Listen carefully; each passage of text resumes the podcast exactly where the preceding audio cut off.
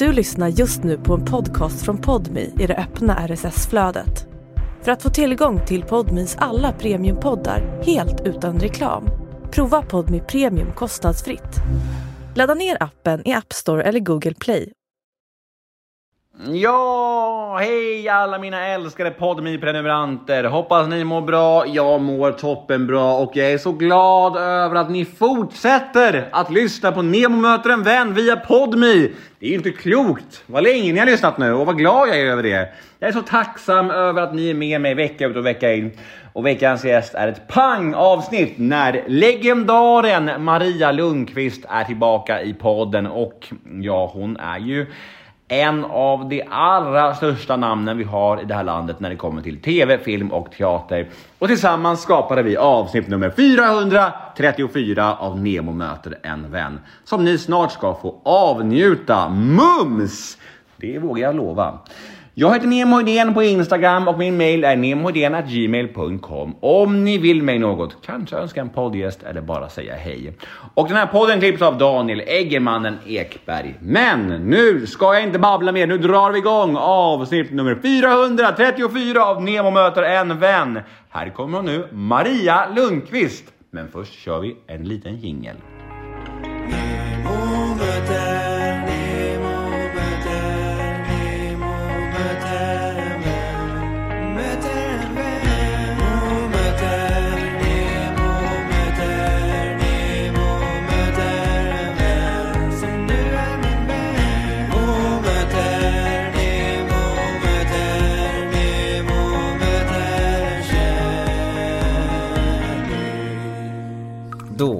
Säger vi varmt välkommen till Nemo möter en vän, min kära vän, den ljuvliga Maria Lundqvist.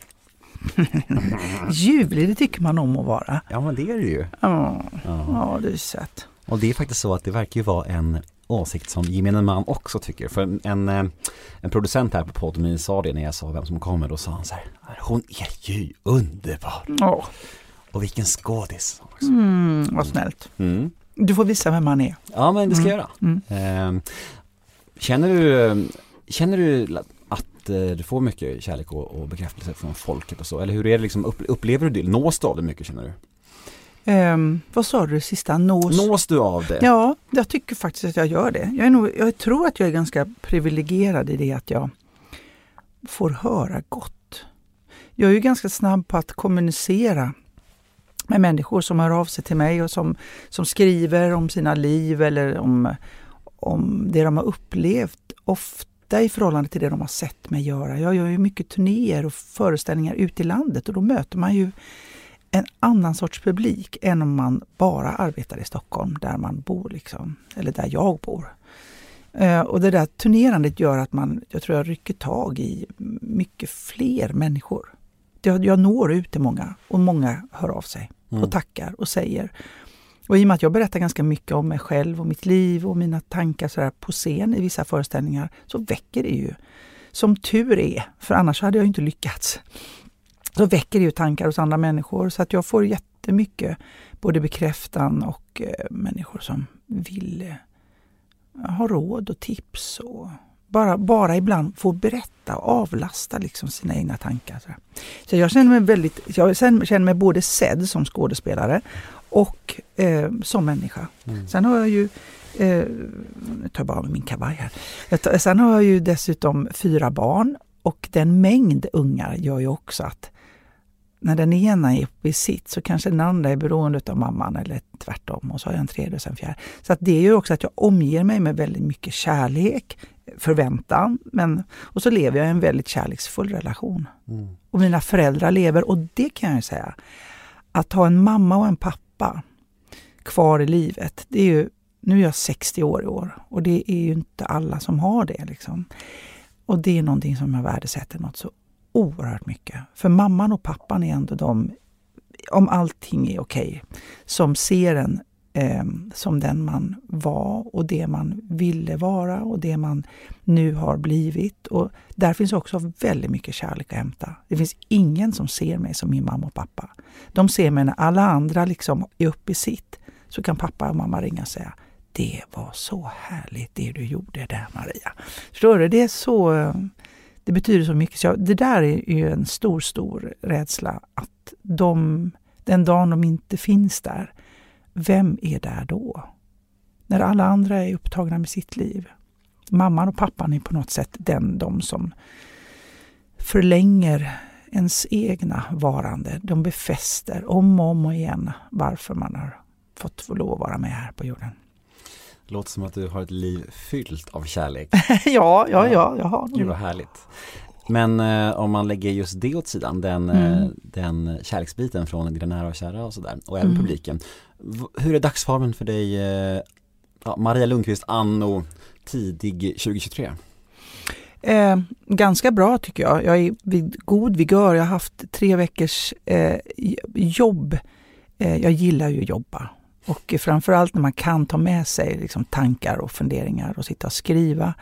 Så har jag gjort det tillsammans med Kristoffer på olika sätt Eh, i tre veckor utomlands. Och det har varit fantastiskt härligt. Jag har både fått nya inputs med teaterföreställningar, möten och eh, skrivande och koppla av däremellan för att man befinner sig inte på hemmaplats där man ska liksom diska och städa och fixa och mat, laga mat. Utan, så jag, jag mår bra. Det jag, det jag går omkring med just nu eh, det är en liten sån här gnagande oro över att jag har fått eh, Eh, äntligen konstaterat för att det här har jag burit med många, många år av andra läkare sagt bara att det är sol, lite solutslag och ta den här sårsalvan så går det över. Men nu har jag fått konstaterat att det är en skivepitelcancer. Så jag har varit och frusit bort så jag ser lite knasig ut idag hos dig. Jag har lite fläckar på både på näsan och ögonbryn och nu har skorporna släppt i ansiktet. Och i övermorgon så ska jag gå och lägga en gel på hela bröstet för han sa du har så mycket där så det går inte att frysa enskilda. Och det jag är inte eh, hypokondrisk eller egentligen orolig. Men jag får en sån här släng av, just det, så här är det ju.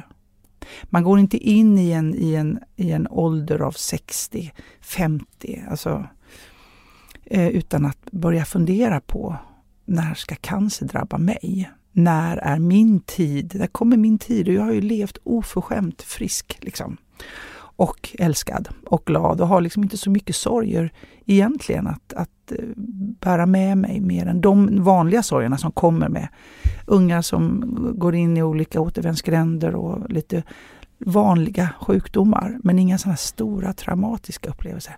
Så jag är lite orolig bara över att det här kan vara liksom något som ska bli allvarligt utav. Är du rädd? Ja, lite. Och det är väl eh, nog första gången som jag på riktigt kan känna mig lite orolig. Jag menar, jag har gått och fått mammografi i, i många, många år och eh, haft några utslag sådär som jag har testat, eh, eller små knölar som jag har varit och kikat, men jag har alltid känt att äh, det här är ingenting. Det här är den första gången som jag kan känna mig lite orolig. Just för att jag är rödhårig och ljus. Och, och så blir jag irriterad också på att jag haft de här utslagen i så många år. Och varje höst, och det har jag fått konstaterat nu av den här hudläkaren, på sommaren så håller sig immunförsvaret, då ligger det ganska lågt. Då är det som att, på mig blir det som att det håller tillbaka utslagen. Sen när hösten kommer, då exploderar det. Både under mina bröst och på brösten och runt liksom hela dekolletaget. Här. Och det här har jag ju sökt för så många gånger. Jag har fått bara rekommendationer talk, sårsalva, liksom smörj in dig. Och så lägger det sig, men det finns ju alltid där. Så därför så tycker jag att jag blir både förbannad och orolig över att inte det här har kunnat konstaterats tidigare. Jag förstår det och Mm. det är ju ehm, Oj, förlåt. Det, det jag tycker det är lite svårt att prata om sånt där för det blir som att Har du någon erfarenhet av just hudcancer? Liksom? Nej, nej jag har inte det och inte i familjen heller men, men jag, jag blir alltid lite så här vi pratade om det lite här innan det här med när, man börjar prata om livet och livets ändlighet, det blir så påtagligt med Mm. sånt här när man närmar sig det här. Det blir, Mm. som, blir, blir en helt annan grej bara att prata på något sätt. Ja, För man, är, man pratar ju aldrig om det förrän det liksom är där nära en. nej. Och det är, vi, vi människor är programmerade av att inte tänka på det känns det som ibland, döden Mm. och livets Mm. ändlighet. Mm. För hade man börjat tänka på det, då hade man ju livet blivit outhärdligt Ja. såklart om man tänker Ja. på det konstant. Ja. Men när man väl, liksom, när det ens kommer på tal, då blir det bara allt bara förändras på något sätt. Mm. Men jag tycker inte du ska tänka på det. Nej. Alltså förstår Nej, du, det, det är några års skillnad mellan dig och mig. Och jag ska inte heller gå in i det för mycket, men jag tror också att ibland är det bra att snudda vid tanken. Att Mm. vi är inte evigt levande, utan vi är faktiskt, det finns, det finns en ände i, på det här fantastiska livet. Och, det, och kan man känna liksom det där vibrera, den här änden, att den finns där, så kanske man också tar vara på det här livet och vågar leva det lite mer levande. Verkligen, och det finns ju ett eh, klassiskt sommarprat från han Christian Gidlund. Mm. Eh, Han som var eh, en musiker från Borlänge som pratade och han var döende i en form av cancer och pratade väldigt mycket så här utifrån att han hade en kort tid kvar. Ja. Som är väldigt, väldigt fint och pratar Ah. om sådana här saker som egentligen är självklarheter men som liksom påtagligt när man liksom har kort tid kvar. Mm. Så här, ja, men förlåta varann och bråka inte om pengar och så här, det är små, exakt. så jävla fina saker. Ja. Man bara, du vet. Ja. Så det vill jag rekommendera till alla som är där ute att lyssna på, Christian Gidlunds sommarprat. Jag tror det är jättebra. Och jag, jag, jag märker också att jag i, i och med att jag lever med Kristoffer som är 21 år yngre än vad jag är, så har vi också på något sätt, vi möter ju livet utifrån olika förutsättningar förstås. Och i, för det mesta så möter vi livet liksom otroligt rikt för att vi har två olika ingångar som berikar upplevelsen. Eh, Ibland ligger jag före, om man nu kan definiera att ligga före eller efter. Men ibland så finns också eh, Kristoffers erfarenheter som springer ur en annan tid. De är mycket kraftfullare så att vi får liksom kraft av varann på något sätt. Men han tycker ibland när jag börjar prata om det här med när jag dör. Vad händer med dig då? Nu ska jag inte prata för mycket för det här. Det är så sorgligt för i vår relation så är det inte bara att jag är 21 år äldre, jag är också hans partner. För vi lever ju ofta med människor, föräldrar, äldre syskon som är liksom äldre och som vi tänker dem, det är naturligt. Men när man lever i en kärleksrelation med en som är så mycket yngre eller en som är så mycket äldre så blir det så oerhört smärtsamt att jag ska dö om allt går naturligt före honom och sen ska han, han ha ett helt liv efter mig. Jag blir både svartsjuk och rörd och i vissa stunder så kan jag säga till honom, lova mig att du inte går omkring och är för ledsen. För att det får du inte vara, för att den kärlek vi har, den måste få leva vidare. Och i nästa sekund tänker jag dig, fan ta det om du träffar någon annan. Liksom. Förstår du? Ja, ja. Så att, men, men det är också, och Kristoffer tycker jag är så morbid. Snälla, snälla sluta. Medan jag kan tycka att det är ganska skönt. Jag pratar med mina föräldrar om att de ska dö. Mamma tycker att det är lite jobbigt. Pappa gråter. Men jag säger, är det okej att jag berättar för er om hur mycket jag kommer att sakna er? För att ofta så skriver man in memorian liksom efteråt. Han betydde si och hon var alltid sån och har gjort det och det betydde det. Men mina föräldrar måste veta det nu. Att jag kommer att, å- jag kommer att gå sönder. Jag vet inte, jag kommer att överleva. Förstår du vad du har betytt pappa? Fattar du hur mycket jag älskar dig mamma? Och eh, nu är de vana vid att jag gör det lite ofta. Men det är också skönt att få prata om det. För den dagen de inte finns där så kommer jag ångra ihjäl mig om de inte är helt säkra på vilken plats de hade och alltid kommer att ha i mitt liv. Så jag tycker att vi kanske ska bli bättre på att prata med varandra om döden och den dag jag inte sitter här och kan göra en Nemo-möte. Liksom. Att det är, det är fint. Tänk, kan, man, kan du ge, ge mig i repris då? Som en sorts hyllning till att där var hon. Liksom. För att det är väl den stora rädslan som alla har, att man inte ska bli ihågkommen. Ehm, och det blir vi ju om vi pratar om hur vi vill bli ihågkomna, hur vi vill bli eh, tänkta på och eh, bekräfta dem som vi vet snart kommer att dö. Det är klart att mina föräldrar, jag vet ju det, de är 82 år. Det är klart att det dröjer några år, sen kommer de att antingen försvinna in i någon sorts dimma eller så dör de knall och fall. Och då ska de banne mig vara liksom väldigt, väldigt fullproppade med kärlek och bekräftan. Mm. Jag hellre nämna det en gång för mycket Ja. än en gång för lite Ja. för de vi älskar. Det är ju verkligen så. Det är en bra påminnelse. Min mamma brukar alltid säga så här, men jag kommer aldrig lämna dig. Jag kommer att vara hos dig hela tiden. Fint. Sen, "Åh, jag kommer att spöka för dig, det vet du väl. Så det är liksom, och det är hennes sätt att, att möta, pappa gråter mest och säger att han är, jag vet, jag vet Maria, säger han. Fan, jobbigt Nog om det där med döden. Men det är jobbigt Men- med äldre människor som är rädda för döden. För jag har hoppats att, att det ska liksom, så här, när man blir äldre ska man nå någon slags, du vet, acceptans och förlikelse. Mm. Men du, jag tror inte att de är rädda. Nej. Jag tror att jag oroar mig mer än vad min mamma gör. Okej. Och jag tror faktiskt att ju äldre vi blir desto mindre rädda blir vi. Mm, så de Men- ledsna för din skull? Ja, mer. de blir, rädda, de blir ledsna för att jag är ledsen. Och jag Mm. tror att det är klart man är ledsen för att lämna livet. Men jag tror att, att jag har börjat prata om döden nu, det har att göra med att jag Eh, är orolig för den. Men ju mer jag pratar så tror jag också att, och ju äldre jag blir, desto tröttare min kropp blir. Desto mer jag känner att jag förlorar fotfästet av det här livet. Jag orkar kanske inte ut i svängen och stå på scenen, vara liksom i det här kraftfulla flödet som är. Då kanske det till och med blir skönt att få dö. Jag hoppas ju att det är så många äldre känner. Jag tror att, jag tror, nu får jag säkert på, på liksom moppo för att jag säger någonting, men jag tror att många äldre somnar in ganska lugnt. Jag tror att eh, ju äldre vi blir, desto mer eh, omhuldade blir vi av dödens omfamning. Förstår du? Mm. Så att jag, det är bara att jag står mitt i ett kraftfullt liv på väg mot något, något som jag måste liksom avsluta. Och där finns rädslan. Men jag tror att har vi en till kontakt om tio år så kanske jag är, har försonat mig lite grann och tycker att äh, det är lugnt. Liksom. Jag hörde Sven Wollter prata om sin död ett halvår innan han dog. Och han sa att jag tänker fortsätta leva men jag är inte rädd för döden. Sa han. Jag är inte rädd. Mm. Det var så skönt för sen när han dog så var det tröstande för mig att jag visste om att han levde levande in till sista sekund. Men han var inte rädd för att dö. Nej. Det ska inte dröja tio år Maria. Vi ses ju var tredje Ja år. det gör vi. Det gör det vi var, är det tre år sedan vi Ja, såg det är sist? faktiskt tre år sedan, eh, sen sist. Och sen så innan det var det tre år också. Mm. Så vi ses var tredje år. Det är bra. Det Ganska la- ganska det lagom. ja. Men hur, så- hur mår du då? Ja, du är jag- så brunbränd och vacker. Ja, tack, vacker, vacker. ja, Äsch. verkligen. Du är skitsnygg. Ja, tack, du är gullig. Eh, det är du också, det vet att du är. Mm.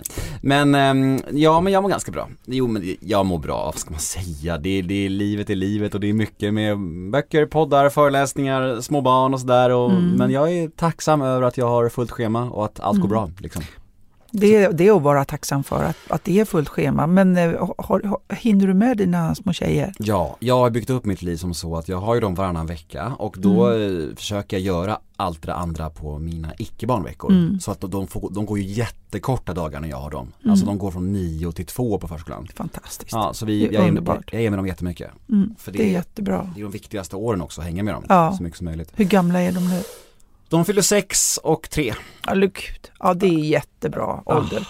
Ah, och så det, det, sen är det svårare när de börjar skolan. Liksom. mm, Är det sista året för sexåringen? mm, precis, Mm. hon börjar förskoleklass nu efter sommaren så Ja. det, ju, det blir speciellt. Mm. Ja, då är det mer, då blir det verkligen så här, då kan inte komma sent till, till Nej, precis va. De Ja. går ju fortfarande korta dagar men det är ändå, nej men du, du gör helt rätt. Det är Mm, bra. mm. Jag, ser, jag följer ju dig. Mm. Då ser jag liksom fina saker du gör med Mm. tjejerna. Det är bra. Men, men det är så speciellt för jag, vi har ju snackat en del genom åren även utanför podden. Du, Mm. du och jag har ju mest i Mm. olika sammanhang och sådär.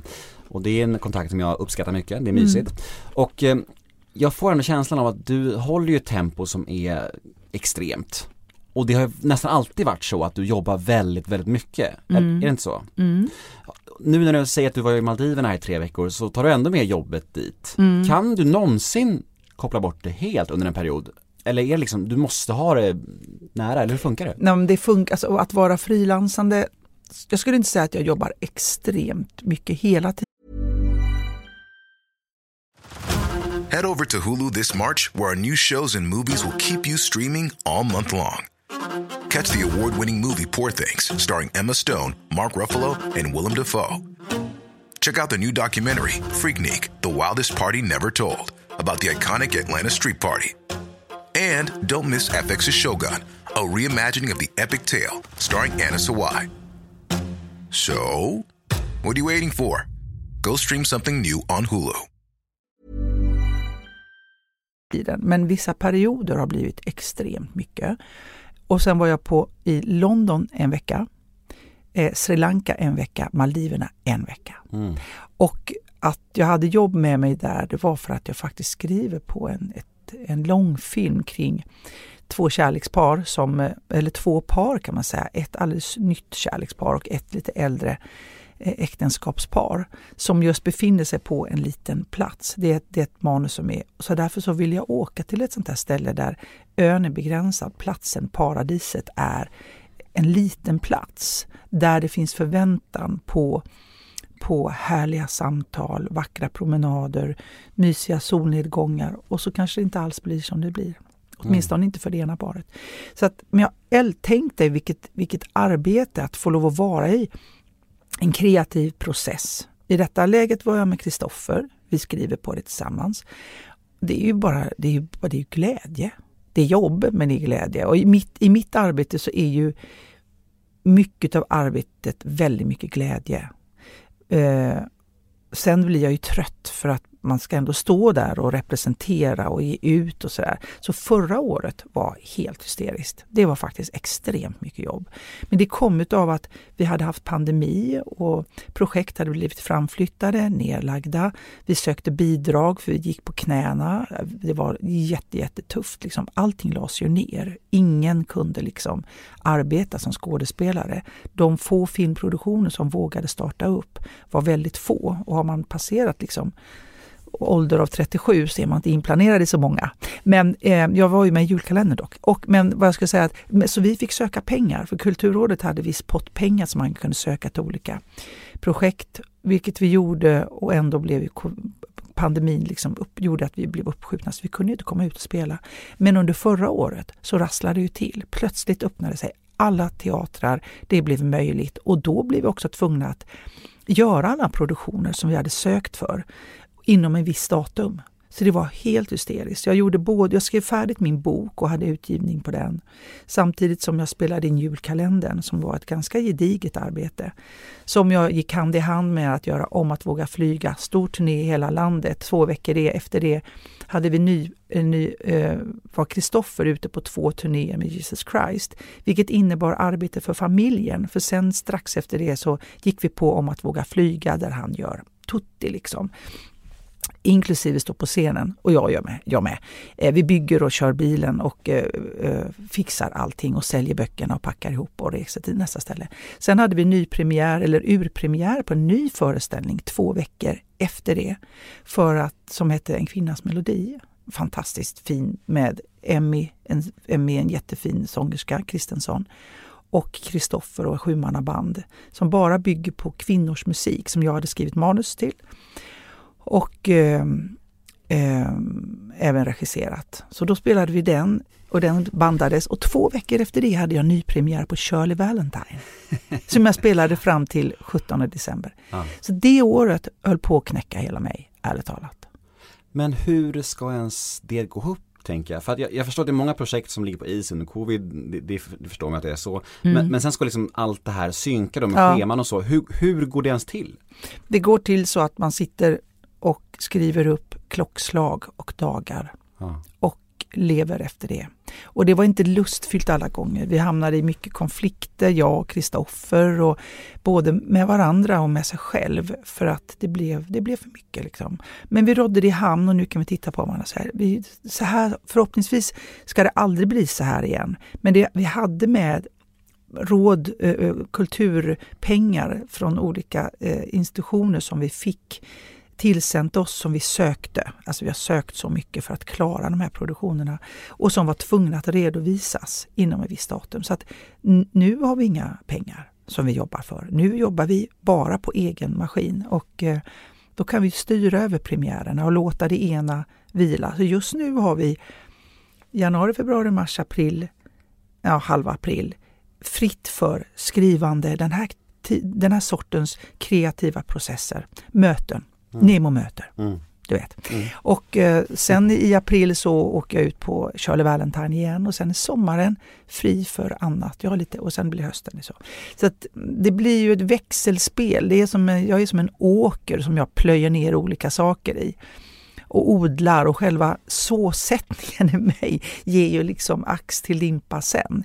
Men jag måste ha liksom, jag måste vara en sån här skön bädd för um, olika sorters eh, odling i. En del, ja, en del saker håller jag på med i tio år. Men jag måste hålla det vid liv. Annat måste jag spruta ut mig, liksom, ur mig på två, tre månader. Och så så att jag är ju van vid att, att allting är i ett flöde. Så Mitt hem är väldigt ordning. Men i min hjärna är det väldigt mycket flöde av liksom olika. Och det funkar bra. Men förra året var mycket. Det här året är luftigt och gött. Är du rädd för när flödet ska börja dara lite? Mm. Det är jag, fast i och med att jag har varit så flödig med mig själv, att jag aldrig stått och varit beroende av någon annan, eller aldrig. De första 10, 15, 20 åren så jobbade jag ju väldigt mycket fast på olika stadsteatrar, både i Stockholm och i, i Göteborg och på Backateatern och Dramaten och, och så här. Eh, Folkteatern och så. Och sen då eh, både Göta Lejon och Intiman och Oscarsteatern. Och så. Men sen har jag frilansat så mycket i egna produktioner som jag har skrivit eller som jag har producerat som någon annan har skrivit. Och det är ju det jag gör nu. Så att jag tror, peppar peppar, att så länge jag orkar stå på scenen, så länge jag orkar driva projekten så kommer jag ha att göra. För jag märker på när jag är ute på, liksom, i landet och spelar att folk är intresserade av att komma. Och hade de inte varit det, då hade jag varit väldigt orolig för att jag skulle dala. Mm. Och det kan ju komma, men nej, jag känner ingen oro för det. Det låter som en mardröm dock för alla projektledare och regissörer och allt sånt där att få ihop hela liksom ensemblen till alla projekt efter covid där. Ja. alla hela projekt ska dra igång igen. Ja. Vilken mardröm alltså. Det var en mardröm. Å andra sidan var det väldigt många skådespelare som stod och väntade. Ja, många hade utbildat sig till annat mm. faktiskt. Men det som var den absolut, absolut största krisen för ensemblarna eller för föreställningarna att komma ihop, det var teknikerna. Mm. Så det har varit så många tekniker som, som släppte sitt jobb och gick in i andra yrken. Så det har varit eh, jättekris att få ihop teknisk personal. Allt ifrån eh, HUMP, alltså de som bygger scenografin, till ljud och ljus och, som, som ju är eh, A och O för en föreställning, framförallt på turné där man måste ha liksom bra tjejer och killar som sköter allt det tekniska runt omkring. Du nämnde Shirley Valentine och mm. du har gjort en del komiska karaktärer mm. genom åren får man säga. Mm. Eh, har du någonsin funderat på att eh, framföra humor på scen utan att vara en karaktär? Att, att göra stand-up mer så här. för du har ju ändå lite funny bone i det får man ju säga. Mm. Har, har, du varit sugen på den vägen någon gång? Du kanske har gjort det, jag vet inte. Nej, alltså st ren stand-up har jag inte gjort. Men i den här om att våga flyga är jag mig själv, som jag går in i olika karaktärer. Men jag, är, jag, jag gör ganska roligt själv också då. Mm. Men eh, stand-upen tycker jag, jag vet inte, jag är inte så förtjust i stand-up. Hade du varit bra på det tror du? Ja och nej, det beror på vad de förväntar sig publiken. För jag tycker att standupen har en väldigt snäv form som bygger på, på ords lustighet. Drastiska vändningar i replik eller i sägningar som är liksom, nu säger jag en sak, så säger jag en sak. Och där kommer poängen. Så att det finns en sorts begränsning för mig i den formen. För jag är mycket mer eh, liksom, eh, jag, jag tycker om att vi skrattar åt de sorgliga sakerna. Där vi liksom når ner till, till eh, där gråten finns och så plockar man upp det och så tittar man på det och så säger man och så kan vi skratta samtidigt som vi gråter. Den sortens eh, humor tycker jag är härligare mm. än den här råa, cyniska, satiriska, samtids eh, eh, peta ut människor och deras beteenden på, som ibland standupen bygger på. Mm. Jag är inte så, jag vet inte, jag tror att jag skulle bli, behöva bli lite mer elak i min humor om jag skulle göra standup. Jag skulle behöva driva med människor på ett sätt som jag kanske känner, no, jag vet inte, Nej. jag är lite för, för, för töntig för eller att göra bara, det. Eller bara för snäll. Ja, jag kanske är för snäll och lite för, vad är det det heter man när man är präktig? Okay. Jag är lite för präktig Nemo ja. tror jag vi säger snäll. Men däremot när jag gör min karaktär Sally, så jag är ju gränslös i, i och där känner jag ju den här stand. Jag vet ju exakt när jag säger det, så säger jag det och så säger Sally det tredje och så blir det liksom komik. Jag förstår rytmen. Men nej, jag är inte så, jag är inte så, så lockad utav det. Nej. Men du, jag skulle ställa en följdfråga förut när du pratade om din, eh, din resa med, med din Kristoffer, när, Mm. när ni, att ni jobbar på resan. Men jag, det föll liksom bort i huvudet. Mm. Jag vill bara plocka upp den tråden när jag kom på det nu. När du säger att du är ute på en skrivarresa, som Mm. du är, vad är det ni skriver då? Är, det- är det en film du skriver, och, eller är det en serie, eller är det en pjäs, eller är det en bok, eller vad är det du skriver? Och exakt, gör du allt? Alltså i, den skrivandet, eller? Alltså det kan, det kan vara precis olika. Förra året så åkte jag faktiskt, så jag sitter ju alltså 90 procent, 87 procent av all tid jag skriver, om det så är manus, långfilm, serie eller bok. Eller bara text för en föreläsning, text för ett, ett eh, du vet, presenta, presentationsmaterial för en, en, ett, ett gig. Liksom. sitter jag och gör eh, hemma. Eh, liksom Eh, Men sen är det väldigt skönt, som när jag gjorde, jag tror jag skrev fem av mina tio kapitel. Jag var ute och seglade med mina föräldrar förra sommaren, för, förra sommaren, förra, för, förra sommaren. Och så stannade jag kvar på Kos, på ett hotell, ganska enkelt men helt utan någon annan. Eh, och där kunde jag skriva, jag tror jag skrev tre hela kapitel rakt av. En, skrev igenom en gång, två gånger, tre gånger nästa kapitel. Och jag kan se på att de där kapitlerna har, när jag läser igenom dem, det finns en sorts helhet. Det blir ett flöde i skrivandet. För jag slipper att bryta upp. Mina tankar får tänkas klart utan att jag blir störd av att nu ska vi äta middag. Nu ringde barnen, nu ska jag gå på det. De måste, så förstår du? Så att det är väldigt skönt att åka iväg. Jag kan till och med åka iväg på ett café för att sitta i fyra timmar. Men när man skriver på så här en bok eller när man skriver på manus så behöver jag få i alla fall tre, fyra, fem dagar i ett sjok. Och då skriver jag inte på boken på förmiddagen och manuset på eftermiddagen. Då skriver jag boken i fyra dagar. Så det var olika projekt du skrev Ja. på nu? Ah, det var inte en specifik grej? Nej, jo, det, var en, det är ett specifikt långfilmsmanus som vi skrev på nu. Mm. Och det skrev jag på eh, och sen så stack jag emellan med redan färdigskrivna grejer som jag bara korrigerade, gjorde lite inputs på. Det beror på också på om man är nystart av ett projekt. Då behöver jag i alla fall fyra, fem dagar liksom för att ordentligt freda tankarna och få in liksom det som ska in. Sen kan man ha det och så kan man, då kan man hoppa lite gärna emellan. Så här. Mm. Det är som att ha en kärleksrelation. Du kan ta för många samtidigt. Liksom. Det går inte. Det beror på om du är polyamorös eller inte. Ja, det är sant. Men du, eh, jag tänkte på en grej när jag, ja men jag eh, kikade ändå lite på internet inför det här mötet, även om jag hade mycket, mycket klart i huvudet vad jag ville snacka om. Men det var en grej som jag tänkte på, det här med hur man arbetar som regissör och hur man Ja men det- var en sak jag inte tog upp med det sist som jag verkligen vill ta upp nu och det var Medicinen, filmen, Mm. mm. Eh, som Edda af Sillén skrev manus till Mm. och Colin regisserade. Ja, Stämmer det? I, ja, det stämmer på, på det sättet att medicinen egentligen bygger på en bok. Mm. Så att boken fanns, så hela historien, medicinen, är ju en bok. Och sen var Edvard med och skrev eh, liksom en överföring till eh, filmen. Okej, men då kan vi prata just generellt om arbetssättet då, snarare Mm, än just mm. den filmen.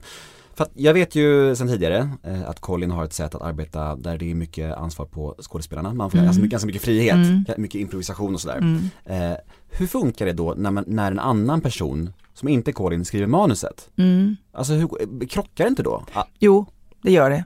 Eh, om jag ska vara riktigt ärlig så var det inte så mycket av manuset i medicinen som vi använde. hör du det Edvard? Stackars Edvard. Nej, men, men det var liksom, vi hade kanske vissa punkter, men det, de hade ju också med boken att göra. I det fallet så, så jobbar ju Colin uteslutande utifrån sin egna dramaturgi, sina egna, när han inte har en bok så jobbar han ju utifrån sina egna stolpar, sina egna vändpunkter, sin historia som han säkert har gått och byggt, eller säkert, det är klart, men han kanske också åker utomlands och gör det. Men han har ju liksom en sorts eh, skelett i sig om hur den, här, hur den här historien ska utvecklas. Men sen, och sen planterar han då de här miljöerna, skådespelarna och så vet han ungefär vad han vill ha. Och där finns det, ibland får vi viskat i örat att jag vill ha detta här. Men vägen hur han får det kan ibland dra iväg så att han får nästan det han vill ha. Och det blir han glad för. Eller så får han något helt annat och då pusslar han det med sin nästa tanke. Så han och vi gör ju ett ett väldigt eh, lustfyllt och kul arbete. Men jag ska inte säga annat än att Colin sätter ju mig i en position där det också finns vissa gränser för vad jag kan göra och säga. Så att eh, hans film blir ju under tiden vi jobbar, men den har ju redan tänkts i hans huvud. Ja, men jag tänker att om man är regissör som jobbar som Colin gör, Ja. eh, då går det ju inte egentligen att göra filmer där en annan person skriver manuset. Det blir knäppt. Ja, men om man, om man tittar till exempel på den här Sprängaren, eh, vad hette nu de här tre? Det var ju en trilogi som Mm. han gjorde utifrån, Var det Lisa Marklund-filmerna? Exakt. Mm. där heter den ena Där Sprängaren. Helena är någon slags journalist Ja, va? precis. Annika Bengtsson. Mm. eh, journalisten. Där jobbade vi faktiskt långt mycket mer med repliker direkt tagna ur, ur boken. Och där fanns det en, en icke-collinsk dramaturgi, för den följde ju boken. Där minns jag att han ibland lät oss... Jag kommer ihåg en gång när jag jobbade med Reine och ehm, Mm, nu tappar jag namnet på mina medskådespelare bara för att eh, jag är trött i skallen märker jag. Men jag kommer fram till det. Örjan Ramberg. Mm. De stod, ja, Ja. de stod eh, mitt emot mig och, och jag skulle få informationen om att Annika Bengtsson, då journalisten på tidningen där vi jobbade, satt, hade blivit tillfångatagen. Och jag tror att jag berättade det för dem. Eh, eh, och vi hade repliker, vi hade repat dem och precis innan tagning så går Colin fram och så viskar han till mig, faint, svimma när du har sagt ditt. Och eh, det här pratar han ofta om, liksom, att han tyckte det var så roligt. Och så jobbar han. Så när jag sa min, min replik så bara mm, poff, ramlade ner. Och då fick han det, det spelet på grabbarna. Nu var de inte så jävla bra på att fånga upp den där bollen, för de stod mest och tittade lite fånigt. Men det var i alla fall ett sätt för honom att använda sig ett Utanför repliken, utanför det, så finns ett liv som han vill ha in där det oförutsägbara händer. Och han älskar ju att jobba med skådespelare som, som vågar gå utanför den sagda skrivna repliken, utan vi fyller på liksom. Mm. Men jag tänker att sådana regissörer som har en ganska egen stil, det måste ändå nästan vara skönast för dem att göra alltihop, tänker jag. Hela Ja, det tror jag. Det, jag tror att det, man tittar på de som eh, gör filmer idag. Det är inte ovanligt att de både har gjort manus, regi, till och med producerat. En del går ju till och med in och spelar huvudrollen. Mm. Alltså det är klart att... Clint Eastwood typ. Ja, exakt. Eller jag tänker på Olivia hmm, som spelar en av huvudrollerna i en fantastisk film tillsammans med Florence Pugh som heter Don't worry darling. Två timmar lång, psykedelisk, jävligt spännande. Där hon har skrivit eh, manus, regisserar och spelar huvudrollen. Alltså den är fantastisk film om människan, hur den tas i anspråk, manipuleras, flyttas in i en annan värld och blir som en sorts, eh, ja, i en förtrollande god värld. Men en av då eh, kvinnorna som har blivit förflyttad in där, hon vaknar till och ska ta sig ur den här världen. Det är så jävla bra. Nej men precis, och då är det ju klart att det är enklare att ha skrivit historien, tänkt den, sökt pengarna, motiverat, går in och regisserar, kanske till och med sitter med vid sidan om och klipper liksom, historien. För det handlar ju om, om att få styra sitt projekt. Det är ju därför jag skriver, regisserar mig själv, bestämmer scenografi, jobbar med en fantastisk eh, liksom, ljussättare för att få im, the imagination, det liksom, om hela den konstnärliga Head over to Hulu this March, where our new shows and movies will keep you streaming all month long. Catch the acclaimed movie All of Us Strangers, starring Paul Mescal and Andrew Scott. Stream the new Hulu original limited series We Were the Lucky Ones with Joey King and Logan Lerman. And don't forget about Grey's Anatomy. Every Grey's episode ever is now streaming on Hulu. So, what are you waiting for? Go stream something new on Hulu. idén om vad är det jag vill berätta. Men är det svårt att regissera sig själv? Eller går, alltså är det svårt att vara självkritisk? Nej, jag är aldrig självkritisk. Jag tycker jag är jättebra. Jag, är så, jag blir så bra. Nej men det är klart att det, det blir ju eh, lite svårt. Fast jag kan säga så här att ehm, jag tycker att jag regisserat mig själv många gånger även när jag haft en regissör. Mm. Många gånger så har jag haft regissörer som jag inte har litat på. Är det så? Så, ja, som jag har känt så här att mm, jag ska kolla själv. Och då har jag bett att få titta på tagningar för att kika lite grann hur jag tycker att jag går ut. Och i min skalle så kan jag ibland tycka att jag ligger för lågt. Ligger jag för högt så kan jag korrigera det och be om en tagning till. Sen lär man sig mycket också på att titta på sina egna tagningar. Och eh, det är svårt i början för man är, en del är väldigt fåfänga, man tycker att man ser knasig ut. Men jag ser så där ut. Och ju argare jag blir, desto mer knasig kan jag se, upp för, se ut än, än mot vad jag tror att jag ser ut. Så att, nej men jag har lärt mig att regissera mig själv. Men hur känns det för de regissörerna då, de här ungtupparna, när Maria Lundqvist bara Lilla gubben, det är så här, jag vet nog vad jag pysslar med här. Men jag säger inte så, jag är ganska ödmjuk. Och sen kan jag, i bästa fall så jobbar man med en sån här ung tupp och han säger det jag tror han gör rätt i. Eh, och puttar mig åt ett håll som jag tänker bra, bra. Och då kanske jag inte går och kollar, då får låter jag det vara. Eh, eller så får jag usel regi. Och då gör jag inte det ändå. Kan du minnas någon specifik konflikt som har uppstått i ett sådant sammanhang där, liksom, där du, ni, ni liksom krockar i vad, vad ni tycker är bäst för scenen eller så? Du behöver inte nämna någon namn nej, såklart. Nej, Har det hänt? ja, det har hänt många gånger. Vilken är det- värsta och äh, det jobbigaste? Eh, Och som sagt, du behöver inte nämna projektet eller namnet men du kan nämna händelsen bara. Jag kan säga att det har nog varit på scenen som är min absolut värsta. Där jag kände att varje entré, sorti, sätt, sceneri, allting var bara riktigt, riktigt hemskt. Och det blev ingen bra föreställning heller. Jag gjorde den på Stadsteatern i Göteborg för många år sedan. Det är, den, det är, den, det är nog den. Och då, då mådde jag inte bra någon gång utav det. är nästan så att jag inte tror att jag har spelat den där föreställningen. Det var Jeppe på berget. Eh, och Jeppe som spelades av Ivar Wiklander var fantastisk. Eh, men allt runt omkring, vi gick in och ut och tyckte bara att vi kände oss inte som att vi var med i historien. Men hur blir du, du då? Då var jag ganska ung. Jag blev nog oengagerad. Jag, blev, jag gick in och gjorde det jag skulle och gick därifrån och var otillfredsställd. Jag hade nog inte vett då på att säga, nej vet du, det här, fun- det här är inte bra. För det är alltid problem också när man inte spelar huvudrollen. Jag gjorde den kvinnliga huvudrollen. Men ibland som kvinna och huvudroll så har jag i många år fått känna på att man inte får lov att ta samma stora plats som om man är man och spelar huvudrollen.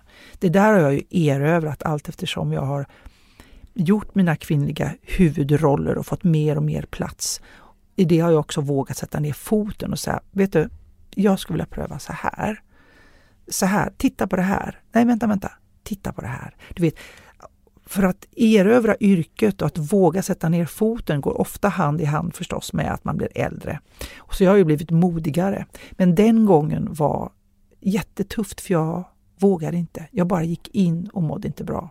För mitt yrke, att vara skådespelare för mig, det är, för i min värld är det bland det viktigaste mm, nu kurrar min mage. Det är bland det viktigaste som jag åtminstone kan göra. Det är inte för att jag ska bli sedd eller för att jag egentligen ska få, få bekräftan från att jag duger. Jag tycker att bekräftan att det jag berättar, att det påverkar andra människor, det är det viktigaste. Mm. Sen hand i hand är ju att man kanske blir igenkänd. Men, men ju mer jag får lov att påverka helheten, ju mer jag får lov att vara i processen, vilket jag inte fick i Jeppe på berget, men jag får det idag, då kan jag också påverka vad vi berättar. För det vi berättar är så jävla viktigt. Att det inte blir någon här mainstream eh, serie, film som går över huvudet på folk eh, och där vi tänker pengar i första hand, utan det är faktiskt på, på riktigt. Det ska ta från magen att skådespela. Det ska ta på riktigt. Så tycker jag. Ja men det är väl toppen och det är väl jättefint då att du är den du är för då är du i den branschen du, du brinner för mest. Då är Ja. det, vilken lyckoträff. Men jag har ju blivit erbjuden många gånger, eller inte många gånger, men några gånger projekt som jag inte tror på, som jag känner inte betyder så mycket. Men Som kanske kan- är mer vad kan- kommersiellt gångbara. Liksom. Vad kan vara avgörande faktorn där då? Ja, det är att jag inte, det, jag, jag, blir, jag brukar svettas. Du vet, blir på riktigt svettig när jag känner att den här historien vill jag berätta. Det här Ja. kommer, det här kommer, den här gruppen människor vet jag behöver den här historien berättad för sig. Ehm, Vilka aspekter väger du in annars då när du ska ta ett annat nytt projekt? Hur, hur mycket är det liksom ekonomi, hur mycket är det tid, hur mycket är det vilka du jobbar med? Vilka grejer tänker du på? ehm, jag tänker mest på eh, jag tänker minst på ekonomi. Är det så? Ja. Ärligt? Ja, ärligt. Sen hamnar jag ibland i lägen när jag gör företagsjobb där det finns ekonomi och då kan jag ta liksom bra betalt för Typ att Kjell ska komma dit? Vad sa du? Typ att någon karaktär ska komma dit då eller? Ja, precis. Eller, eller att de vill ha mig och eh, i vissa lägen är det en, en liten förening eller är det in, eh, liksom ut, jag, jag tar gärna lika många jobb där jag går in och inte tar någonting betalt eller efterskänker mitt gage, förstår du, till vad det nu är, kvinnorättsorganisation eller bara att jag känner att det där behöver jag inte, jag kan komma själv. Mm. Men när jag vet att här är det pengar i omlopp, då kan jag känna så här, då kan jag ta betalt. För att då avsätter jag tid ifrån det som jag annars skulle, kanske jag brinner mer för att göra. Mm. Så att så tänker jag. Och sen så, så är det klart det är viktigt för mig vilka jag arbetar med. Eh, men det kan lika gärna vara att jag aldrig har jobbat med dem förut som triggar igång mig. Mm. För att jag känner att det här är människor som jag är nyfiken på just för att jag inte har arbetat tillsammans med. Mm.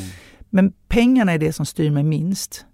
Eh, innehållet är det som eh, drabbar mig och det jag väljer i första hand.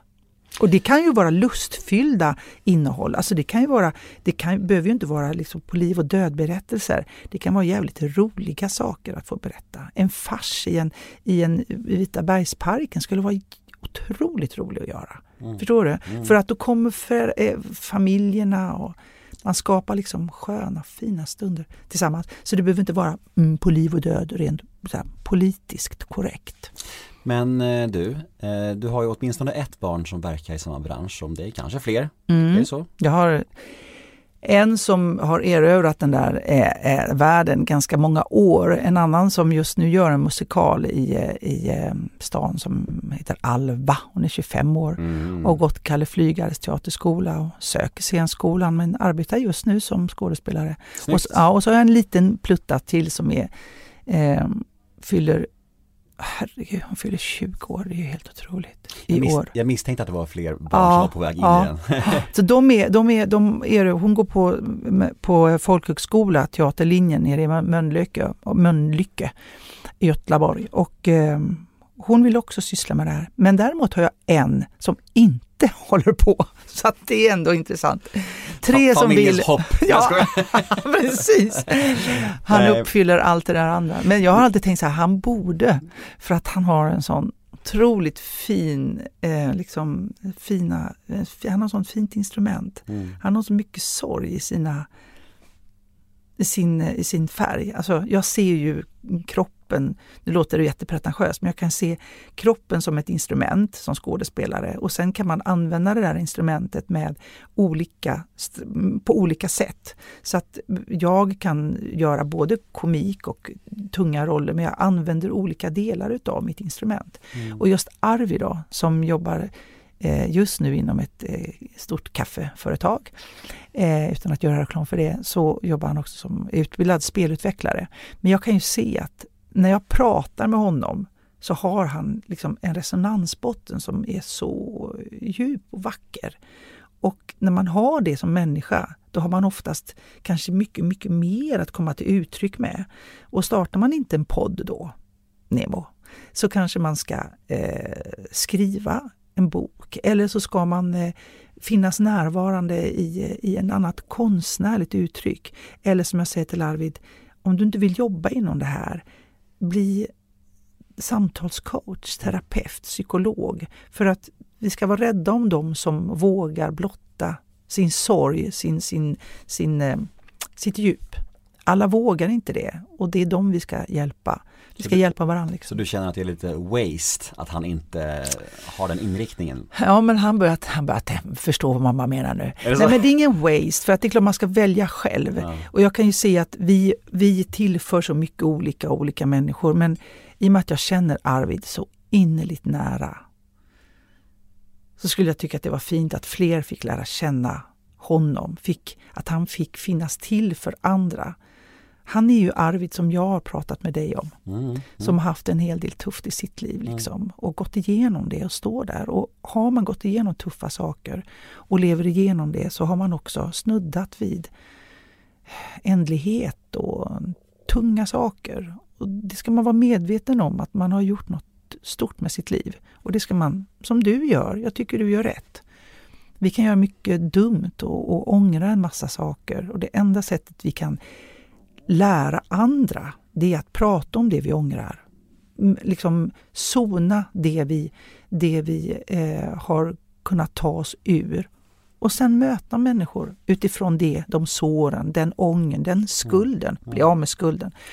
Nej, men använda vår historia till någonting, Ja. någonting konstruktivt Ja. istället för att liksom skämmas över Ja, den. precis. Den helomvändningen är ju liksom totalt avgörande. Ja, men den är det. Och det, det menar jag, det är en del av oss har den styrkan, har den förmågan.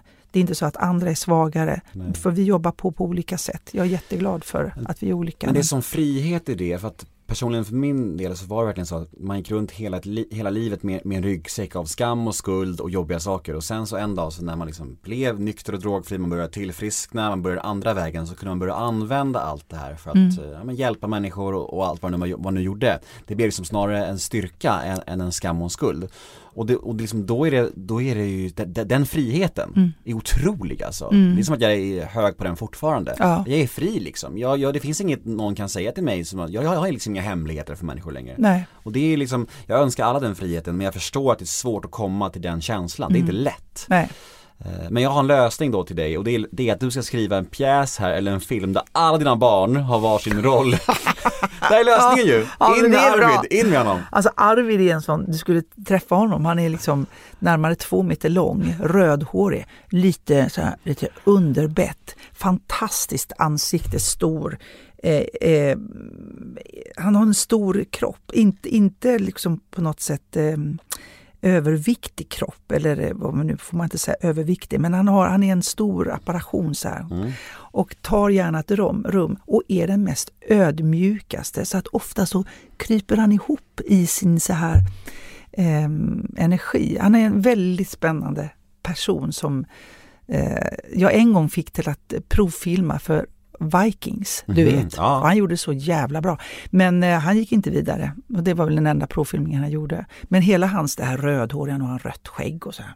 Han har en... Eh, han är väldigt, väldigt vacker. Men har själv. du varit eh, sugen, eller har du eh, hjälpt dina barn mycket i den branschen? Uppmuntrat dem? Har du liksom fixat roller till Anton och så, eller hur ser det ut?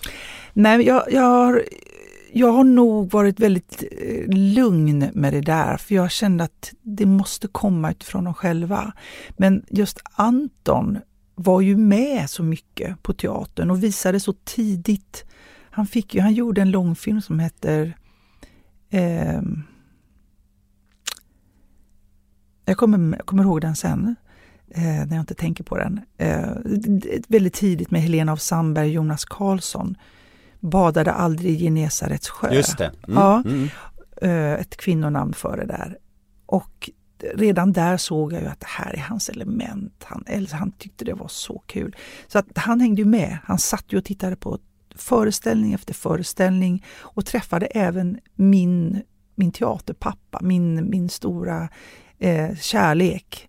Magnus Manka Nilsson som är en av de som har betytt mest för mig. I, i, eh, när han kom och jag fick jobba med hans text så kände jag att här är jag hemma. Han är mitt hemma i teater. Hans galenskap, hans sätt hur han skriver, hans pauser, hans tystnad, hans djup som hela tiden går långt, långt ner och upp liksom i, i en kom, svart skön komik. Anton träffade honom och Anton har på samma sätt som jag blivit förälskad, Mankan som då han kallas, blev Antons gudfar. Så på så sätt kom Anton in till Oktoberteatern där han jobbade. Så där har jag ju, ja är det hjälp eller är det bara att livet blev så? Där började Anton sina professionella föreställningar, gjorde två eller tre stycken på Oktoberteatern. Och sen kunde han ju via dem ta sig in, men han har verkligen gått på egna ben. Jag har aldrig skrivit någonting för Anton, inte för Alva eller Nora heller. Men jag kan känna så att de är så bra. Jag tittar på Anton så tänker jag, herregud vad bra han är. Han är så jävla bra. Så det vore ju synd också om jag hamnar i en beslutande position där jag ska rollsätta med en kille där Anton skulle kunna göra den här rollen, om jag inte gör det. Jag kan tycka att nepotism, ja det är inte kul när det går till vilken Alltså det får inte vara gränslöst. Men eh, det vore ju också fint att Ja, vi jobbar ihop Anton och jag i En underbar jävla jul som Helena Bergström regisserade. Det var så roligt, för vi har ju samma resonansbotten. Vi har ju liksom, när vi tystnade så hände ju någonting och det kände ju Helena och det kände vi så att varför ska man inte utforska det tillsammans? Den filmen var ju för övrigt väldigt, väldigt bra. Ja men den, och, då, och då snuddar vi ändå vid att göra mm, komedi som ju är så svårt, för det kan aldrig tillfredsställa alla. Och de som inte tycker det är roligt, de blir nästan provocerade. För att det här var ju fan inte roligt. Men jag tycker att den blev väldigt bra. Den är både rolig och har substans. Och Ja, jag tycker också att den är riktigt, riktigt bra. Jobbar Helena på samma sätt som regissör som Colin? Eh, nej, det gör hon inte. Hon, jobbar, hon, är, hon tycker nog om mer struktur i initialt. Så att där har vi manus, väldigt noggrant manus som hon har skrivit oftast eh, tillsammans med någon manusförfattare. Sen kan hon släppa när vi liksom på inspelning, man slänger in något sånt där.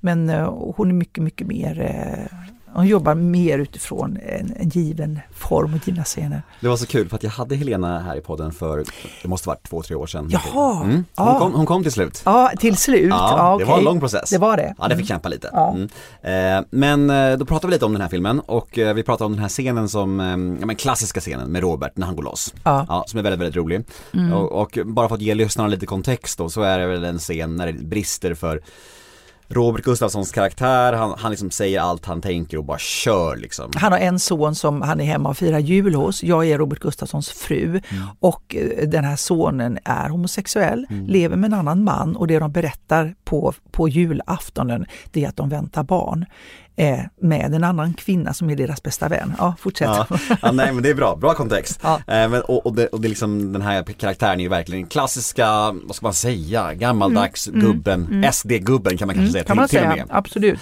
Och det roliga är att när, när, när Helena berättade om, om, när ni spelade in den scenen var att Robert ville gärna köra mer. Han Ja. Mm. bara körde på, de, de klippte ner det jätte, jättemycket och då, då älskar man ju den scenen ännu mer. Ja, liksom, det fanns inget stopp. nej.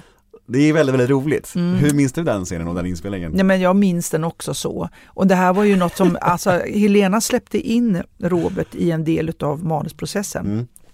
Och det gör man gärna med de som man vet kan hitta de här extra övertonerna i replikerna. Ehm, och jag tror så här att, att Helena var, hon är, hon är ju oerhört, ehm, vad ska man säga, eh, hon vet vad hon vill ha. Och, och Robert ville nog liksom få in väldigt, väldigt mycket. Men en del av de här övertonerna som Robert kom blev kanske Robert Gustavianska, jag fattar. och därför Mm. så tror jag att Helena höll ner det för att det ändå skulle in i formen för tiden, för scenen och för berättelsen. För om den, den här högerextrema, eh, mm, vad heter det, eh, konservativa, Mm, oerhört konservativa karaktären blir för ekvilibristisk i sitt snack så förlorar ju förstås karaktären sin trovärdighet. Mm. Men det, det är det bästa med en regissör som Helena, att hon kan tillåta det här lystret, extra replikerna, gagget, det som spinner loss och som blir liksom fullständig galenskap. För ur det kan hon plocka liksom guldkornen. Och då blir det sådär bra som du upplevde Mm. med, med, med Robert. För att eh, värre vore om inte Robert fick lov att briljera Mm. med allt han kan. För då skulle han ju kanske bara göra det som stod i texten och det kan ju bli lite grann platt. Exakt. Det är en perfekt balans Ja, där. det är en perfekt balans, men det gäller att regissören också känner så här, "Nja, det där, nu går vi över, nu berättar vi en annan historia med den här karaktären. Så det är viktigt att hålla oss som vill improvisera och expandera, hålla ihop oss när man väl sitter i klippbordet. Så här. Du, Men det eh, var, det var en väldigt, grejen är så här, det kan jag ju säga nu att vi hade faktiskt ett, jag ska inte säga mer än det, men Robert och jag blev lite förälskade i varandra. Vi har aldrig jobbat ihop förut. Men vi gjorde ju det här paret, den här förskrämda, lite räddar kvinnan som han dessutom ger en spark i arslet så hon åker in i ett förråd när hon ska klä ut honom till tomte. Det var ju väldigt väl organiserat. Jag hade ju hängt upp liksom allting i det här förrådet exakt så att eh, gör man en bra slapstick och vet så måste det hänga, det är tekniskt, jag visste ju exakt vad skulle ramla. Liksom. Men och så hade vi då slaget i rumpan, sparken i rumpan på exakt replik så att jag kunde poff in ett, två, tre, poff. Så här, va? Det är som en koreografi. Mm. Och då blev vi väldigt förälskade i varandra, Robert och jag, och vi sa fan vi, vi vill göra mer. Och vi ska göra det. Mm. Mer än så säger jag inte. För att det är så i, i linda fortfarande, men det kommer att bli något riktigt fint och vad bra. Fan vad mäktigt. Mm, ja. Och det är det, det är det finaste att få jobba ihop med, med andra som har just den här, ett, ett instrument du fattar mitt instrument nu då, med, där man känner att man plötsligt börjar lira ihop. Mm. Som jag kände med Anton. Som man ibland känner med andra kollegor som har samma, men ibland känner man inte det. Och då kan man göra ett bra jobb. Men när det börjar vibrera ihop och man inte behöver snacka om Går du till höger, går jag till vänster? Ligger du ovanpå eller under? Eller ska vi kyssas med tunga nu? Förstår du? Mm. Alltså när kärleken blir lika självklar eller när konsten, skådespeleriet blir självklart som när man träffar en, en, en, en människa som man vill leva med, då är det så häftigt. Mm. För att då, då uppstår det där tystnader som vi inte behöver prata om. Överenskommelser som görs för att vi känner varandra. Och så är det med Robert och mig. Det var jättefint. Jättefint ju. Ja, ja. så det, om, om tre år så kanske vi kan prata om det. I bästa fall har vi, har vi liksom fått ur oss det verkligen. vi ska göra. Mm. Mm. Men du, nu nämnde du ändå så här kyssar och sånt, så jag, jag måste ändå fråga dig, för jag, jag har blivit så nyfiken på det på, på senare tid, det här med sexscener mm. och sånt. Hur mm. är det egentligen? Är det så soft eller kan det vara rätt knepigt och knäppt också? Det är jätteknepigt och knäppt. Alltså nu sen bara fåtal år tillbaka så har det inrättats, jag tror metoo satte, satte liksom fingret på det här otäcka när man som skådespelare eh, blir eh, eh, tagen på utan att man själv vare sig vill eller har bestämt. Mm. Nu pratar jag om i filmscen eller i teater eller det här var ju hela metoos liksom stora eh, eh, mission att blottlägga, att komma till en gång för alla ett slut till de här övergreppen som sker i någon sorts, men vi ska ju ändå in och göra den här scenen sen. Jag kan ju lika gärna under täcket ta det så här för vi spelar ju ändå. Mm. Det här var ju liksom sexuella övergrepp, våldtäkter, alltså riktigt grova eh, eh, ett grovt övertag som männen fick på, på kvinnan, medskådespelaren eller, eller vid sidan om i form av producent, regissör. Men de gånger jag har varit med om det eh, innan metoo så har det varit väldigt otäckt. Väldigt för att det är så sublimt gjort. Mannen kan ju motivera att han tar en på brösten precis innan man gör entré. Mm. För att han vill komma in i känslan. När man står där i, i byxorna som det heter vid sidan om. Eh, eller att man under tiden när ljuset går ner stoppar in tungan lite extra länge trots att scenen är slut. Om man har svårt för eller klappar i skärten, stoppar in handen innanför trosan trots att det inte syns. Man ska inte göra det. Jag har fått en, en mans lem i min hand, stor som fan, i min hand under en filmsekvens där det absolut inte ska vara så. Och han har bara sagt ta den, ta den. Fy helvete. Och, det är liksom, och då, då är man ganska så spak, rädd och blir... Jag drog undan handen och han tog handen och sa, fan ta den. Mm. Och, det, alltså. och då vill man inte, och är det då med de, den här sortens män, det här är inte alla medskådespelare, men en del män har den, den eh, också en sorts ett, ett övergreppsmentalitet där om jag protesterar för mycket, man säger vad fan håller du på med? Nu pratar vi mina metoo. Då skulle han kunna bli förbannad, han, skulle, han kan vara i en sån position att till och med säger byt ut den här skådespelaren. Mm. Hon stör mig. Förstår du? Mm. Efter metoo så har händerna dragits ur trosorna. Eh, Eh, Eh, vi har blivit mycket, mycket mer fredade och till på köpet så har det i varje filmproduktion där vi närmar oss sexscener, beröringsscener, så har det nu ah, tillkommit en ytterligare en yrkesgrupp som heter intimitetskoordinator. vilket är helt fantastiskt och revolutionerande. Det innebär alltså att man bestämmer, regissören i manuset, skådespelarna, vi säger här ska ni ligga med varandra, ni kommer in genom dörren. Ja, är det tänkt så? Ja. Sen så är det bra om, om hon lägger sig före och då ska du ta av trosorna på henne. Eh, sen ska du då, eh, vi, då, då har man ju förstås, man har påsar, man har möjligheter att dra undan snoppar och alltihopa mm. så att det inte blir så naket. Men även då en intimitetskoordinator som gör så att jag vet om att han ska ta mig i höger hand. Sen för jag ner hans hand innanför täcket, sen lägger han det på benet mm. för att det inte ska bli något. Så den här koordinatorn gör som en koreografi för oss där vi fredar varandras privata zoner som inte alls har med filmen att göra. Mm. Är du med mig? Det är skitbra för att det ger också en sorts... Eh, då händer inte de här eh, osynliga övergreppshandlingarna där man tar för sig lite extra. Som är sublima men som blir efteråt en dålig, dålig jävla smak av eh, att man har blivit tagen. Liksom. Det är många skådisgubbar där ute som tycker att den här yrkesgruppen är väldigt onödig tror jag. Ja, alltså de, de eh, det gör de nog. Det gör de nog och jag tror att eh, det, å andra sidan kan det också vara väldigt många faktiskt manliga skådespelare som tycker att det är skönt. Mm. För att man ska säga och nu pausar man verkligen från det jag precis har sagt. För det jag pratar om nu det är de som medvetet, grisigt, manipulativt har tagit för sig och begått övergrepp. Sen finns det också, det har varit svårt innan en, en, intimitetskoordinators eh, funktion, har varit svårt att göra de här sex scenerna. Låt säga att vi inte har täcket, låt säga att vi ska vara ömt, låt säga att det är ett par där man känner varandra. Då får vi själva sitta där och säga är det okej okay att jag stoppar in tungan? Ska vi kyssa så att det mm, mm. syns? Och, så här. och det är inte alltid lätt. Och sen så säger vi inte en regissör som har koordinerat det. Okej, okay, men vi kör. Ah, och så står man där. Han vill inte utsätta mig för någon genans. Jag vill inte utsätta honom för genans. Mm. Men det blir genant för att brösten ska tas på. Det är ju naturligt i en kärleksrelation och i en kärleksscen.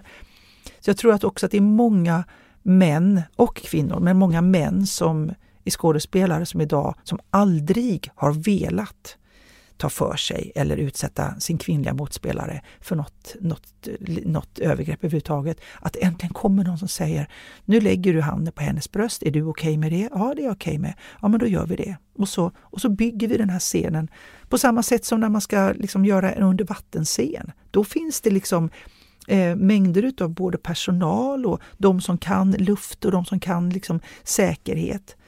Mm. Eller om man ska in i ett brinnande hus, då är vi fullt utrustade med kunskap om hur vi gör det för att inte skada oss. Men så fort det har funnits liksom intima scener så har det aldrig funnits någon som ska leda oss in så att inte någon blir skadad mentalt eller fysiskt. Mm. Så det är väldigt skönt att det nu finns en intimitetskoordinator. Spännande ju! Och, ja. och hatten av och Nobelpriset till den människan som ja. kom, på, kom, på den titeln. Ja, ju. verkligen. verkligen. Det, det, undrar vem det var, vet du det? Nej, jag tror att den har funnits utomlands tidigare ja. innan den kom till Sverige. Mm. Men jag skulle vilja vara kaxig och säga att den nog har ö, kommit till under metoo. Mm. Åtminstone har man legaliserat oss och nu gör vi ingenting utan en intimitetskoordinator. Mm. Förstår du? Så många scener både på scen och på, på film eh, som man har gjort och hittat på själv. Ja, herregud. Rörigt inte, alltså. Otroligt ja. otäckt rörigt. Mm. Du, eh, mm. vi ska mm, börja avrunda strax. Mm. Och innan vi gör det så ska vi köra lite snabbfrågor. Mm. Är du med? Jag är med, men du vet att jag är dålig på att vara snabb. Ja, du behöver inte vara snabb, det bara heter det. ja, okay. Vi mm. ser vad vi kommer fram ja. till. Paradrätt? Uh, gratinerade havskräftor, min pappas. Vad missbrukar du? Godis. Vilken egenskap hos dig själv föraktar du mest?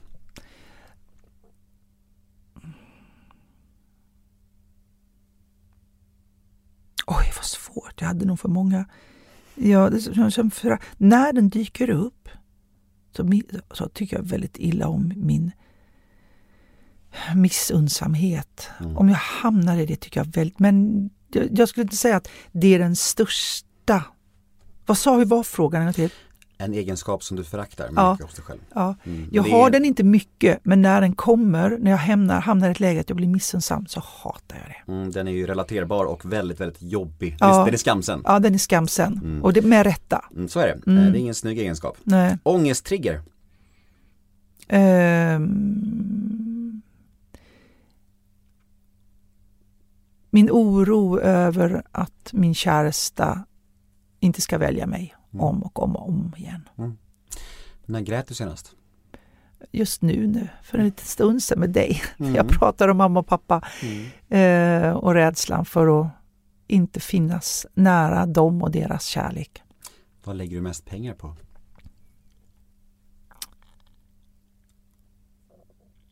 Jag är inte någon som lägger mycket pengar på någonting. Varken smink eller hudsaker eller kläder eller skor eller mat. Ja, kanske restauranger för att vi ibland går på restaurang. Jag tror jag lägger mest pengar på teaterproduktioner som jag gör själv. Det är liksom det jag investerar i, att jag anställer folk, mus- musiker, tekniker, Fast jag köpte faktiskt en, en tröja för 8000 spänn för några veckor sedan. Då höll jag på att baxna, men det var också lite kittlande. Mm. Det, det förtjänar det, tycker jag. Eller, eller jag vet Ja, inte. vad fan, det- om du aldrig gör sånt så är det väl dags någon gång. Jag har aldrig gjort sånt. Efter Det var 40 så här- år i branschen, eller vad det liksom. ja, ja, det är sant. Ja. Vad tror du andra människor tänker på när de tänker på dig? Och då vill jag ha två svar, både Mm. den offentliga bilden och dina privata kompisar. Mm. Alltså, jag tror att de, de, de tänker eh, att jag är eh, omtänksam, närvarande, kärleksfull. Och sen tror jag att en del tycker att jag är jävligt präktig och pretentiös. Mm. Men är det dina, dina kompisar eller offentliga? Mina kompisar tänker värme. Mm.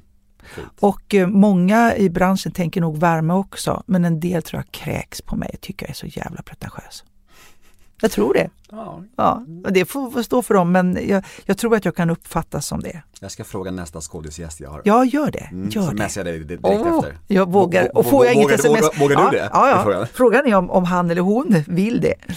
Men- Men du ska veta personen. också så här att med alla de här sociala medierna som är och med Mm. bekräftan och hur vi liksom hyllar varandra så finns det väldigt mycket lögner, Mm. mycket spel för galleriet för att vi vill hålla oss kvar med varandra.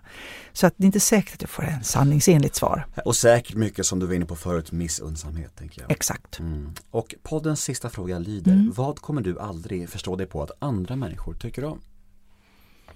Övergrepp. Mm.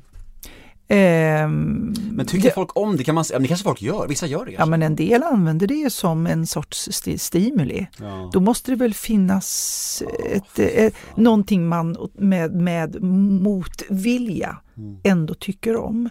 Vill du att jag ska ge ett annat svar? Nej, Nej. gud, du får jättegärna svara Nej, det. för, jo men jag tror att det finns en del människor som på olika sätt utnyttjar en, sin maktposition. Övergrepp tänker jag associativt med en gång med små barn. Men ett övergrepp kan ju se ut som eh, att man är, utför, håller, håller i härskartekniker. Att missbruka Att sin man- makt på något sätt. Att man missbrukar sin makt. Mm. Jag var med om en väldigt jobbig situation nu på resan i Maldiverna. Vill du klipper du bort detta här. Men jag möter the general manager för eh, denna ö som jag är på. Och han har med sig sin eh, fru. Han har då en drink han bjuder på, på den här ön vi är. Och alla som vill kommer dit och dricker den här drinken. En ganska avspänd ö, men han är lite eh, upps, uppspänd så här. Men, och hans fru står vid sidan om och eh, då frågar Kristoffer så här snabbt, eh, vad, vad gör, eh, eh han har drivit det här hotellet och eh, mängd, varit i 14 länder och erövrat mängder utav liksom, eh, verksamheter. Och då frågar Kristoffer kärleksfullt, som den jämlike man han är, vad gör du för någonting? Och då så säger han snabbt, hon är min fru. Varpå vi eh, tittar på varandra, jag och Kristoffer, jo men är du med i skapandet utav de här sakerna? Då tittar hon på honom och så säger hon nej. Och den blicken på honom sa så väldigt mycket. Och då började jag prata för att förklara, för hon var från Ukraina och han var från Australien. Och då förklarar jag för dem, det här paret, att vi jobbar ihop, Kristoffer och jag. Vi producerar, vi skriver, vi regisserar, vi, gör, vi åker på turné, vi åker lastbil och spelar teater och, och eh, lever och eh, gör mycket ihop. Och jag tror, sa jag, med tanke på på, på, vad jag ser framför mig. Det var en väldigt, väldigt vacker, lång kvinna med långt hår. och hade en fantastisk eh, klänning på sig och hade ett konstnärligt yttre. Men jag, när jag ser eh, det jag ser så tänker jag att du skulle kunna vara i din mans värld vad det gäller eh, det du kan. Då visade det sig att hon var pianist från Ukraina. Släppt sitt arbete eh, och är med sin man nu då. Och det han säger när jag säger att jag förstår, men det måste du ju kunna ah, bidra med och få vara med i, att eh, eh komma till uttryck med allt det du har. Och då så säger jag så här, den, då tittar han på sin frus klänning och så säger han så här att det är jag som har köpt hennes klänning. Och det blev i sammanhanget så oerhört förnedrande. Och hon svarar honom med att säga, nu sätter du mig i en väldigt dålig position. Och så blev det jättespänd stämning. Och hans, nu, jag berätt, återberättar den här kanske lite snurrigt, men hans sätt hur han liksom på något sätt både höll ner henne, klappade henne på huvudet när jag pratar om att denna kvinna sitter med så mycket förmågor. Eh, och genom att han då bara säger, det var jag som köpte hennes klänning. Mm, förnedrande. Ja, det var väldigt, det var så här, jag sa till honom så här, du har en sån vacker klänning, jag vet jag vet den var dyr, det var jag som köpte den. Ja, det var liksom att fullständigt ja, ta bort hennes värde. Alltså. Det är också ett övergrepp och det föraktar jag. Ja, fan. Ja, jag håller helt med. Mm. Jävla förminskande alltså. Ja, eller hur. Så vi kan förminska på många olika sätt med olika sorters övergrepp. Verkligen. Du, eh, tack för att du ville vara med i min podd igen. Ja, tack för att jag fick vara med igen. Alltid mysigt att snacka med dig. Ja, detsamma. Mm. detsamma. Och eh, vi, eh, vi ses framför mikrofonerna om tre år igen. Mm. Håll i ungarna. Ja, jag ska hålla i ungarna och ta hand om mammorna och papporna. Ja, det ska jag göra. Ja. Och du lika så. Mm. Och så se, hörs vi innan det på sms och telefon och så. Ja, det gör vi. Såklart. Mm. Puss på dig. Puss på dig. Och puss på alla lyssnare. Vi hörs igen nästa måndag. Hej då! Ha det gott. Hej! Ciao.